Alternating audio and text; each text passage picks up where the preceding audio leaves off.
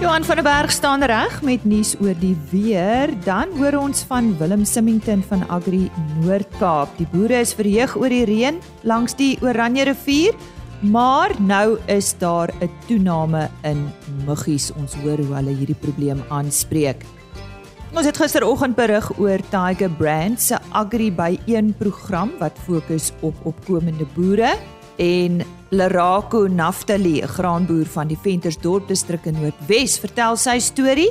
Hy hoop om 5 ton per hektaar te oes en vir die eerste keer aan Tiger Brands te lewer. Ons hoor ook watter fynbos spesies van die Elim gebied by Nampo Kaap te sien gaan wees. Goeiemôre van my Lise Roberts, hartlik welkom. Dankie dat jy ver oggend saamkuier. Johan van der Berg staan gereed met nuus oor die weer. Môre Johan. Goeiemôre Lise. Ja, as ons 'n bietjie kyk kyk op die kort termyn, uh is hier 'n frontale stelsel wat oor die naweek in beweeg. Dit gaan vir ons so 'n klompie reën gee hier oor die Wes-Kaap gedeeltes. Uh maar daarmee saam redelike koue toestande wat ook gaan kom. En ons sien dat minimum temperature oor die suidelike binneland weer redelik naby aan vriespunt of onder vriespunt kan daal. Dit lyk nie of daar ryp gaan voorkom op hierdie stadium in die Vrystaat en die benede Oranje rivier en verder noordwaarts nie. Want uh, veral ons koring is op 'n baie sensitiewe stadium en dan ook uh, ons druiwe in die in die benede Oranje rivier gedeeltes. Vir die temperatuur vir die volgende paar dae tot die naweek lekker warm maar soos ons genoem het daarna gaan ons 'n redelike daling kry hier van maandag dinsdag se kant af Ek dink die ek weet nie of ons moet sê goeie nuus nie, maar dit lyk tog asof die reëntoestande uh die somerreënval toestande begin verbeter. En daar al reën moontlik is uh hier rondom die 14de uh maar heelwat of of meer reën hier uh, ook die 20ste 22ste September en dan die laaste paar dae van September en die eerste week van Oktober maar dit gaan oor die suidoostelike oostelike uh gedeeltes wees en dan grensende binneland. So dit lyk asof al die Oos-Kaap, uh KwaZulu-Natal, uh selfs die gedeeltes van die Vrystaat en die Noord-Kaap uh 'n so klompie reën kan kry uh veral in die eerste week van Oktober wat vir ons wys dat die reënvalpatrone besig is om van die winterreënvalgebied te verskuif meer na somerreënval toe. Dit lyk asof daar al heelwat reën in Oktober uh, dan oor die noordelike gedeeltes, noordoostelike gedeeltes kan begin voorkom. Ehm uh, met die La Nina verskynsel uh en die Indiese Oseaan wat gunstig is, ehm uh, lyk dit asof is, is dit steeds uh lyk die toestande vir gemiddelde tot bo gemiddelde reën uh baie goed van die laaste deel Oktober maar veral November, Desember en Januarie. So ehm um, ek dink dit is een van die risiko's wat ons vanjaar het is dat veral die gebiede uh, langs riviere en veral die uh, Vaal en Oranje rivier is daar 'n groot risiko uh van vloedskades uh, en dit kan dalk al vroeër uh, as tradisioneel gewoonlik is dit hier Januarie, Februarie en met die reën wat ons 'n bietjie vroeër verwag kan dit al vroeër wees. So dit lyk tog asof die somer begin alhoewel die koue fronte nog steeds deurbeweeg en daar kan nog ryp uh, voorkom in September, maar dit die die risiko neem vinnig af. Nou ja, dis dan ook goeie nuus vir ons somerreënvalgebiede, maar uh, kom ons kyk maar en uh, ons gesels weer volgende week met Johan van der Berg. 'n Graanboer van die Ventersdorp distrik in Noordwes wat deel is van die voedselprodusent Tiger Brand se Agri by 1 bring, oftewel Agriculture Aggregator program, mik na hoër hoogtes ten opsigte van witmielieproduksie. Leraco Naftali lewer vanjaar vir die eerste keer mielies aan die voedselvervaardiger en hoop om 5 ton per hektaar te oes. Christelise Miller het by hom gesels. Ons praat nou met Lerako Naftali, eienaar van die JR295 Trading Maatskappy. Lerako, good day. Give us some background on how this operation started and it's your first yield. This is my first yield on this farm, but it's my third season into crop farming. So I started off farming with sunflower um, on a 70 hectare piece of land, but I didn't utilize the full hectareage. I think I planted just under 20 hectares. That was in 2020, and then I planted maize. I planted yellow maize, still pretty much under 20 hectares because I didn't have that much experience with crop farming. I'm actually a pig farmer that started in 2016, end of 2016. So because of the feed high cost of feed, you know, I said at some point I need to know how to be able to do my own feed, which is through maize, because maize is the main ingredient of the feed, you know. So, because on the land that I was doing the piggery on, there's land where you can be able to plant, that's when I decided to start learning the crop side of things on farming because I realized that in farming it's better when you're doing a mixed farming kind of thing because it's it becomes more profitable. You can be able to have revenue from different streams still in farming. So then, because my my father is also a farmer, he's into livestock. He's got cattle, he's got sheep, he's got goats, and he's got two farms. So the farms are a bit far apart you know so we decided that it's better if we all work on the same kind of location where we can be able to do our operation all in one location even though we own the entity separately so we decided to come to this farm because we felt that it has everything all in one place. So my father's got his cattle here and I am doing the crop part of things. So it's a first yield on this farm which I started leasing last year. So you come from a farming background. Did you have prior education before you started farming? So my background is not really farming. After high school, when I went to varsity, I went and studied information systems. Bachelor of Commerce at the University of Cape Town, and my father was in the security industry. So when I left university, I joined my father and my mother. So I was focusing more on the IT side of things. But because my father grew up on a farm and with cattle, he always had the love for cattle. So at some point, around about 2000 or so, he started buying cattle that's how I ended up having interest in farming. So the piggery is still in making? Yes, the piggery is still in Mafeking, but I've put it on hold because I realized with piggery or with any business, it's important that you, you look at the numbers. Your numbers must make sense. You're leasing the farm Ratsegai Kraal and you're starting to harvest. It's early days, but early days, but obviously when when you are involved throughout the whole process, you end up seeing that this is how my crop is gonna end up looking. So my crop is is looking good. I believe that's the reason why Tiger Brands is here today and SE Holding together with SE Holdings, which is actually my client. The crop is looking good. What was challenges during the season? Yeah, Challenges, first of all, is the fact that I went from very small scale in terms of planting or crop farming. I went from a very small uh, scale and decided to almost jump 10 times in terms of the scale. You know, so that was challenging because you just decided to have that leap of faith to say that if I manage to do it on a 20 hectares and I apply the same principles or I rectify the mistakes that I did on a 20 hectares, I should be able to do a 100 hectare as well. So challenges were there. First of all, it, you would have doubts to say that, will I be able to do this because I've not done this? That's the number one challenge that you have to come across. And number two, obviously, which is a challenge with a lot of businesses, is the finances because you need money. You need to put money into into the whole operation before you start generating money back. So the challenges were, were, were that it was difficult to have the funds to do the whole thing. You need to spend money on input costs. You need to spend money on fertilizer. You need to spend money on the seeds. You need to spend money on chemicals. And what is very difficult, particularly with white maize, non GMO, is the fact that with non-GMO, there are certain chemicals that are not allowed onto the product, which makes it much more difficult for the farmer because conventionally uh, with maize that um, is not non-GMO, you can be able to use a product like Roundup. Now, Tiger Brands doesn't want a product like Roundup on their products, and Roundup makes things easier for the farmer in terms of getting rid of weeds and grasses makes it much easier. So the fact that you are not allowed to apply Roundup on the product is a challenge as well.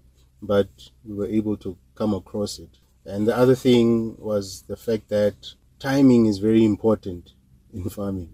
So if you're late, you, you'll experience problems. So we started almost late. So it had a challenge for us in that we had a lot of we had to deal with a lot of weeds. We had a, to deal with a lot of grass.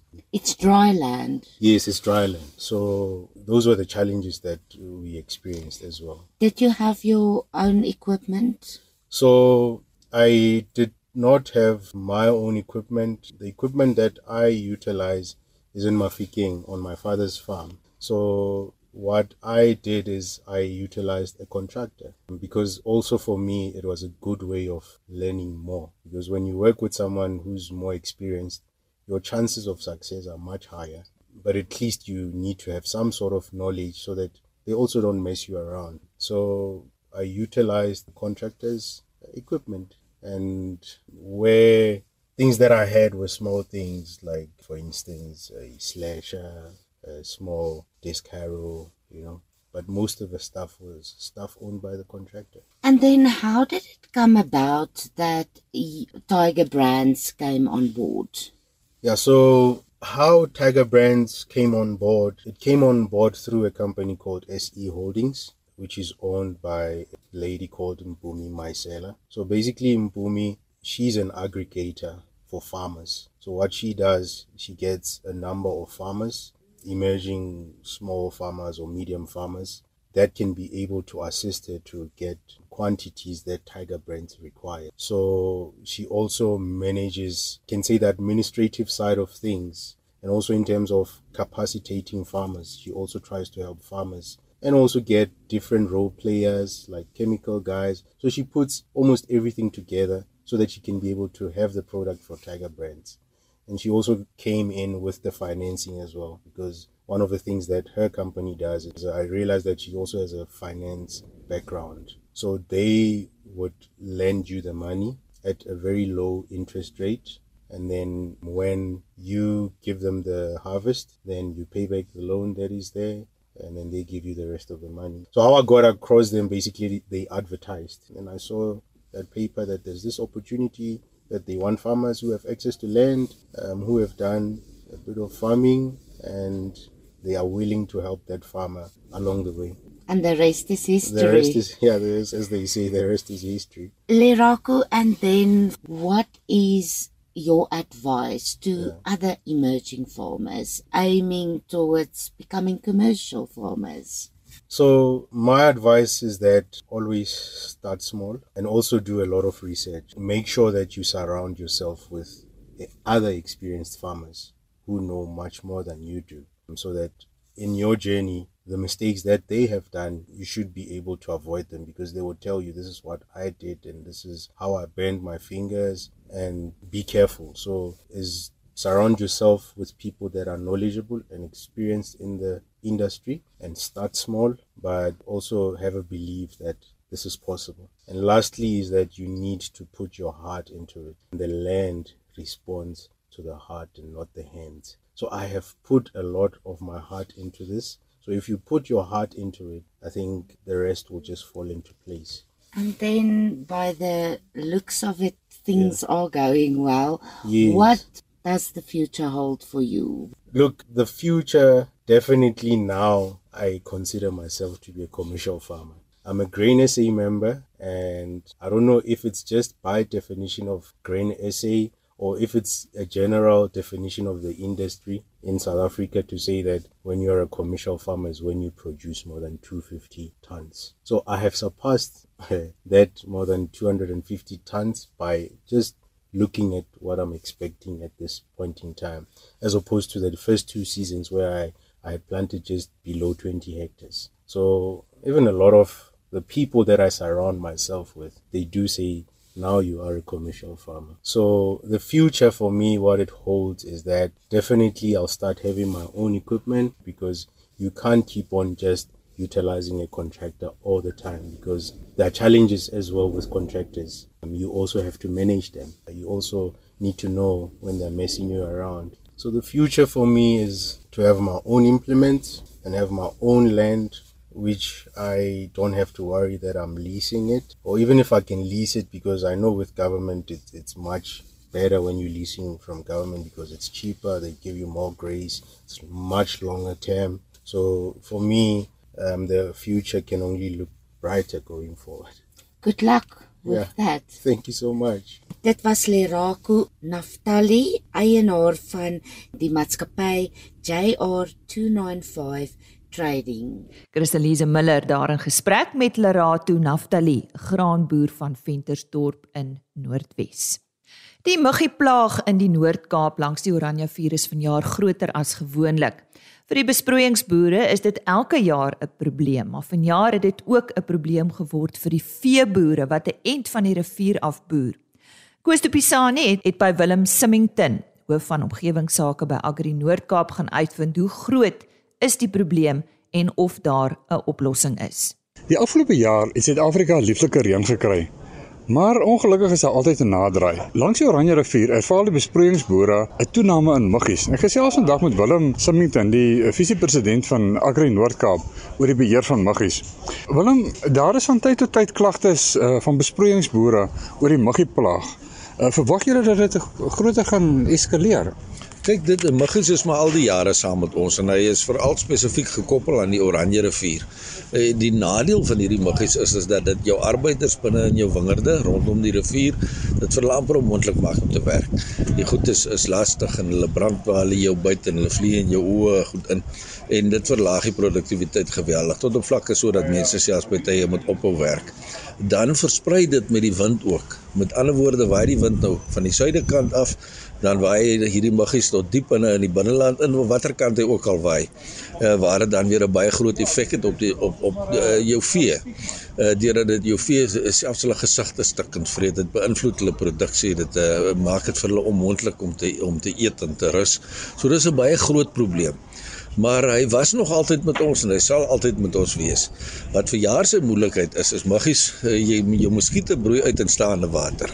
B- het lopende water nodig. Nou in die eerste plek uh, is dan ook die is 'n biologiese middel waarmee hulle hierdie uh, muggies beheer binne in die rivier. Uh, Vectoban is nie 'n is nie 'n chemikalie nie, is nie 'n insekdoder nie, is 'n biologiese metode wat hulle sy uh, lewensiklus verbreek. En uh, die rivier se vlakke moet tot op 'n sekere vlak daal. En met ons lieflike reën wat ons in die binneland gehad het, was die rivier vir jaar baie vol. Wat dit die die die wat die toediening van hierdie biologiese vektor baie moeilik gemaak het. Uh die rivier se vlakke is nou wel tot op so 'n vlak waar hy wel gaan beheer word. Maar nou moet ons ook onthou dat hierdie ding nie soos 'n insekdoder jou volwasse insekte doodmaak nie. So vir die volgende 3 maande gaan die probleem nog met ons wees. Ag, Is daar al reeds 'n beheermetode wat toegepas word of wanneer begin dit nou? Die departement uh, van landbou is verantwoordelik hiervoor en hulle het uh, het doen gereeld toetse en monitering van die hoeveelheid muggies wat in in uh, op sekere stadiums teenwoordig is en dan het hulle sekere punte binne in die Oranje rivier waar hulle dan deur middel van ligbespuiting en watertoediening uh, hierdie uh, biologiese beheermiddel wel in die water van die rivier toedien. Nou sal een so toediening genoeg wees om die muggies te beheer of uh, is daar 'n opvolg toediening ook? Dit sal moontlik wees dat 'n opvolgtoediening sal nodig wees, maar soos ek sê, die wat dan nou reeds dan nou daar is word nie gedood nie, onderbreek die siklus. Uh dat jy dan oor 3 maande hoop dat jou watervlakke dan nou so gedaal het en omstandighede so verander het dat jou muggies dan nou weer jou populasiegetalle minder sal wees. Uh, jy het net nou verwys na na die wind wat die muggies in binnelandse kant toe waai. Ek het by verskeie boere gehoor, dis regtig vir hulle 'n probleem. So dit is eintlik maar dieselfde muggies. Dit is nie dat dit 'n ander tipe muggie is wat wat daar voorkom nou nie. Gewoonlik kan ons sê dis dieselfde muggie wat in die rivierwater uitbroei, maar daar is al vroeër proewe gedoen uh wat daar die moontlikheid ondersoek is dat daar 'n ander spesies muggie is uh wat op 'n ander lewensiklus het en 'n ander manier van uitbroei. Ek het, kan nie nou op die punte van my vingers vir jou sê by die bev- bevinding van hierdie navorsing was nie, maar ons moet onthou dat uh, die- ons ons oorvloedig reën gehad het en dat daar op baie plekke water beskikbaar is. So ek wil nie die moontlikheid uitsluit dat muggies wel op ander plekke ook uitbroei uh as binne in die rivier nie. Wat dit natuurlik baie moeilik maak is dat dit amper 'n onmoontlike taak is om om dan nou hierdie muggies uh beheer te kry omdat dit uh oor sulke wye uitgestrekte gebiede is en in vreeslik geïsoleerde kolletjies water dan is. Hoe lank gaan ons nog die muggies uh mee te doen kry? Die slim mense sê vir my 3 maande. Vandat hy uitgebroei het, lewe hy vir 3 maande. Uh, dit was Willem Symington wat baie bekommerd is oor die muggies, maar hy sê daar is uh, oplossings en hulle het uh, die oplossings in die hand. En Koos de Pisani is ons medewerker daar in die Noord-Kaap. Nou ja, ek het gisteroggend op RSG Landbou met Christel van Wyk gesels oor Nampo Kaap. Nou, ons het onder meer gesels oor die blomme prag op uitstalling en ek is seker enige iemand wat lief is vir blomme en veral fynbos daar uit die Wes-Kaap gaan dit nie kan misloop nie. Ons gesels vandag meer spesifiek daaroor. Nou tydens my gesprek met Christel het sy verwys skaars en unieke spesies wat daar uitgestal gaan word en dis waaroor ons spesifiek nou gesels met Rupert Koopman. Hy is 'n onafhanklike bewaringsplantkundige. Rupert, welkom by RSC Landbou vir die van ons wat nog nooit die Elim gebied besoek het nie en juist hoekom ek nou daaroor praat is baie van dit wat ons gaan sien kom van daar af. Waar is mhm. hierdie gebied en en sê so 'n bietjie vir ons sou of vertel vir ons kortliks iets oor die natuurskoon daar. Hi, so ja, so ehm um, is 'n area waarvoor ek oor jare baie lief is, ehm um, omdat dit so beeldskoon is nie net van 'n natuurlike perspektief nie, maar ook 'n uh, erfenisperspektief en ek dink wat ons by die skool wil ook wys is dat daai natuur erfenis en en mense erfenis onlosmaakbaar gedeelte is van mekaar. So uh, die dorp self van Willem lê uh so 30 uh minute oos van Gansbaai en 25 minute wes van Bredasdorp. So basies tussen die twee dorpe en tot um, 'n paar jaar gelede was was daar 'n um, grondpad om by te kom. nou is daar baie nice deurpad. Dis so kom nou aan 'n nou makliker is om om daar uit te kom en dit is altyd moeite werd om daar draai te maak want ehm um, jy weet die historiese werf, die kerk, daar's baie oulike ehm um, museum oor die geskiedenis van Elim wat ook daar is. Ehm um, en ehm uh, dit vervleuel met die plante. So baie mense weet dit nie maar die beginne van die wild fynbos blomme in die is in daai streek, jy weet. En onder andere is Elim van die kernareas waar dit gebeur. En as jy hele fynbos blom industrie van wild en geplante fynbos, maar dit eintlik in in hierdie streek begin. So so dis waar ons begin. Dis 'n beeldskoon landskap. En daar's ook eintlik nog steeds baie geleenthede om hierdie mooi plante op te pas. So so is Elim uniek vir sover hulle fynbos spesies betref? Ja, soos baie in ons fynbos areas, ehm um, waar die verskillende veldtipes en grondtipes bymekaar dis waar uh, jy interessante blomme kry.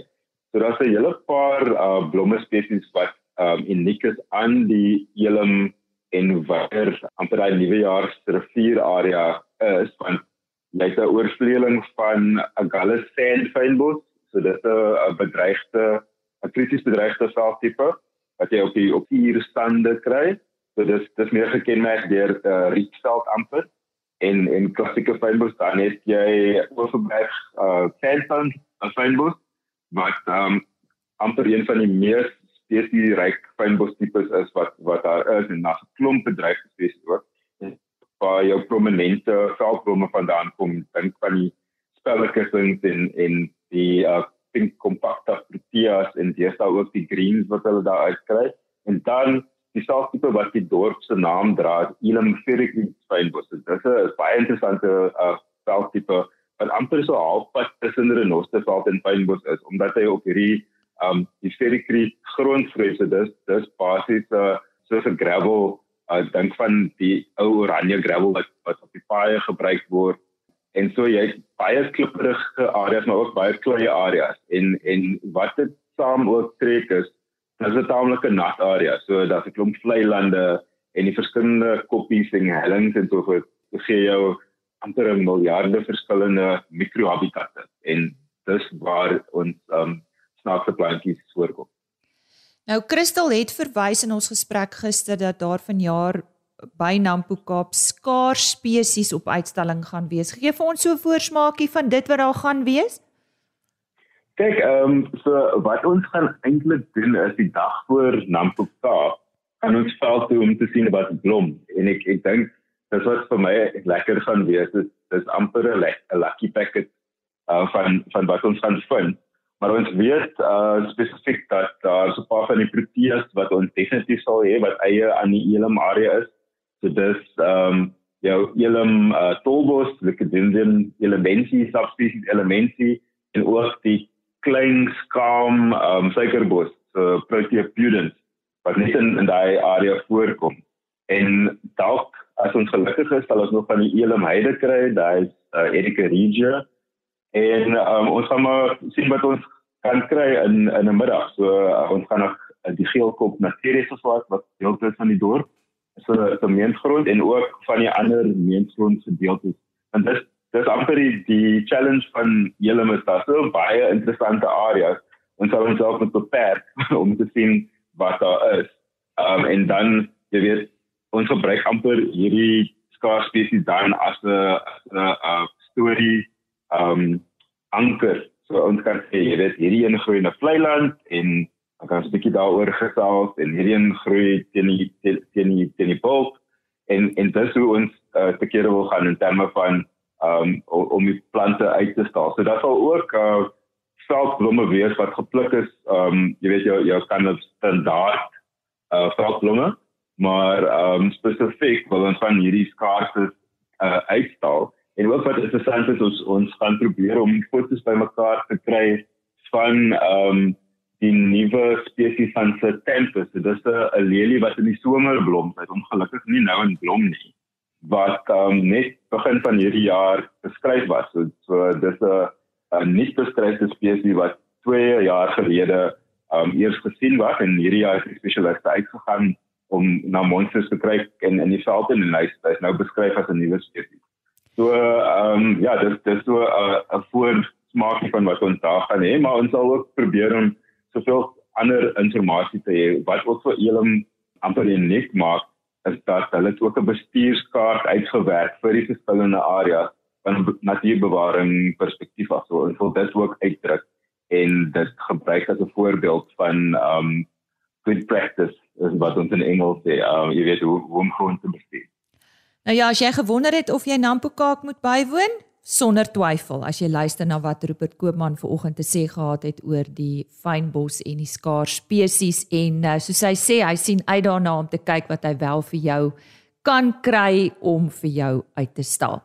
Rupert Koopman is 'n onafhanklike bewaringsplantkundige en hy het gesels oor die uh, Elim gebied en die pragtige blomme wat ook vanjaar by Nampo Kaap vanaf 14 tot 17 September daar by Bredasdorp by Bredasdorp Park te siene gaan wees. Dis dan vandag se program en ook my kuier saam met jou vir hierdie week. Maandagooggend 5uur is ek weer terug met nog RSG landbou nuus en stories. Ons moet ons klaarmaak, so kom ek gee net vinnig 'n e-posadres en webtuiste. Webtuiste www.agriorbit.com of rsg.co.za en 'n e-posadres rsglandbou@plaasmedia.co.za. Geniet jou naweek en die res van hierdie week. Totsiens. RSG Landbou is 'n Plaas Media produksie met regisseur en aanbieder Lize Roberts en tegniese ondersteuning deur Jolande Rooi.